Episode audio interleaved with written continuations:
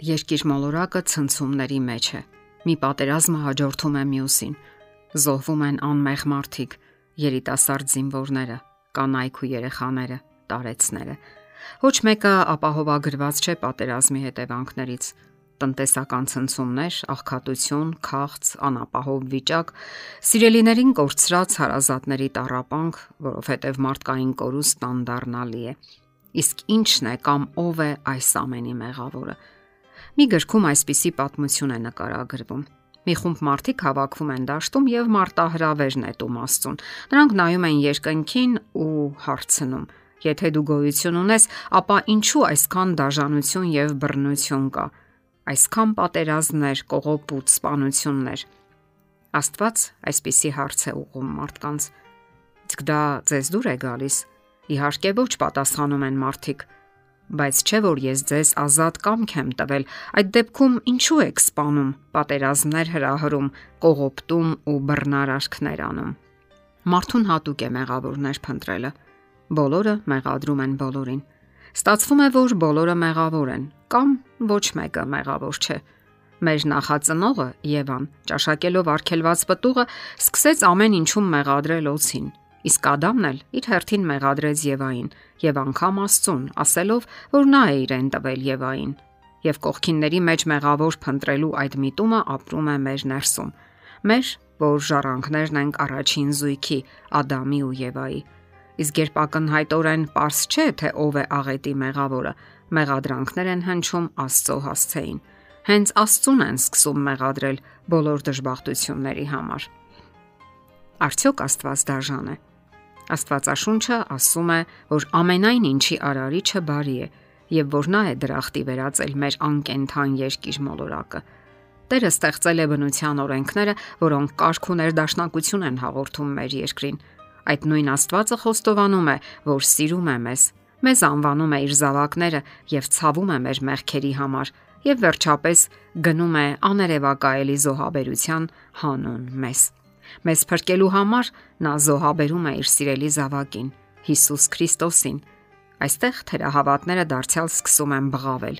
Աստված դաժան է, նա մահվան է դատապարտել իր որդուն։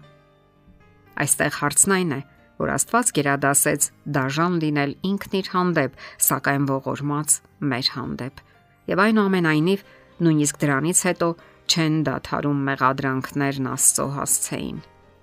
Ինչու Աստված Եթե նա ամենազոր է, այնպես չի անում, որ մեր մոլորակի վրա ճարիք գոյություն չունենա։ Ինչու արագ չի բռնում մեղավոր зерքը։ Ինչու չի ստիպում մարդկանց, որ լինեն բարի, ապրեն խաղաղ ու հաշտ, սիրեն միմյանց։ Պատկերացրեք այսպիսի վիճակ։ Դուք կարողանում եք հիպնոսացնել մարդկանց եւ ցանկանում եք, որ ձեր երեխաները լսեն ու հնազանդվեն, սիրեն ձեզ։ Դրա համար դուք անգիտակից վիճակի մեջ եք գցում նրանց Այդ վիճակում նրանք ընդունակ չեն ոչ մի խելամիտ որոշում ընդունելու, եւ դուք սկսում եք նրանց հրամայել. նստիր, կանգնիր, կեր, դաթարիր ուտել, աղոթիր։ Եվ պատկերացրեք, թե ինչպես են երեխաները հնազանդվում ձեզ։ Նրանք նստում են, կանգնում են, ուտում են եւ այլն։ Անում են այնպես, ինչպես դուք եք հրամայում։ Իսկ ձեզ դուր կգար նման հնազանդությունը, կուրախացներ նման սերը։ Հազիվ թե Մենք Աստծո պատկերով ենք արարված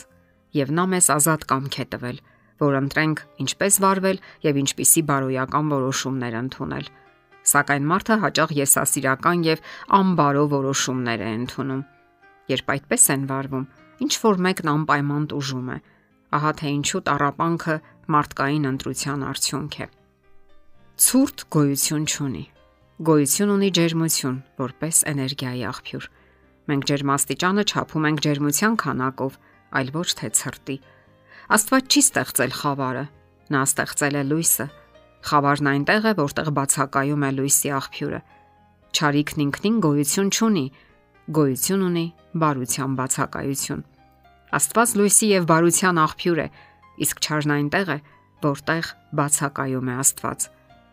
Ժամանակի մի պահի Երբեմնի հրաշալի երկնային հրեշտակն ապստամբեց Աստծո իշխանության դեմ եւ հրաժարվեց նրանից։ Այդպես տիեզերքում ծնվեց ճարիքը։ Այդ հրեշտակին մենք այժմ անվանում ենք դև կամ սատանա, որը նշանակում է հակառակորդ։ Երբ մենք հարցնում ենք, Եթե Աստված ամենազոր է եւ բարի, ապա ինչու է թույլ տալիս այսքան չարիք։ Մենք սխալ հարց ենք տալիս։ Հարցն իրականում այսպես պետք է հնչի. Սուրբ եւ արդար Աստվածը, իմանալով այսօր կամ երեք գործած մեր մեղքերի մասին, ինչպես է մինչև հիմա հանդուրժում մեզ։ Եթե մենք հարցն այդպես չենք տալիս, ապա պարզապես խուսափում ենք մեր մեղքի պատասխանատվությունից։ Մենք համարում ենք, որ հիմնախնդիրն Աստծո մեջ է, այլ ոչ թե մեր։ Երբ մենք հարցնում ենք, ինչու է Աստված թույլ տալիս ճարիքը, հարցը տալիս ենք այն մարդու դիրքից, որը համոզված է Աստծո հանդեպ իր սեփական գերազանցության մեջ, եւ այն տպավորությունն է, թե մենք բարոյապես ավելի բարձր ենք եւ ավելի շատ ենք հասկանում կյանքը, քան Աստված։ Եվ այնուամենայնիվ ելք կա։ Ելքն Աստծո մեջ է։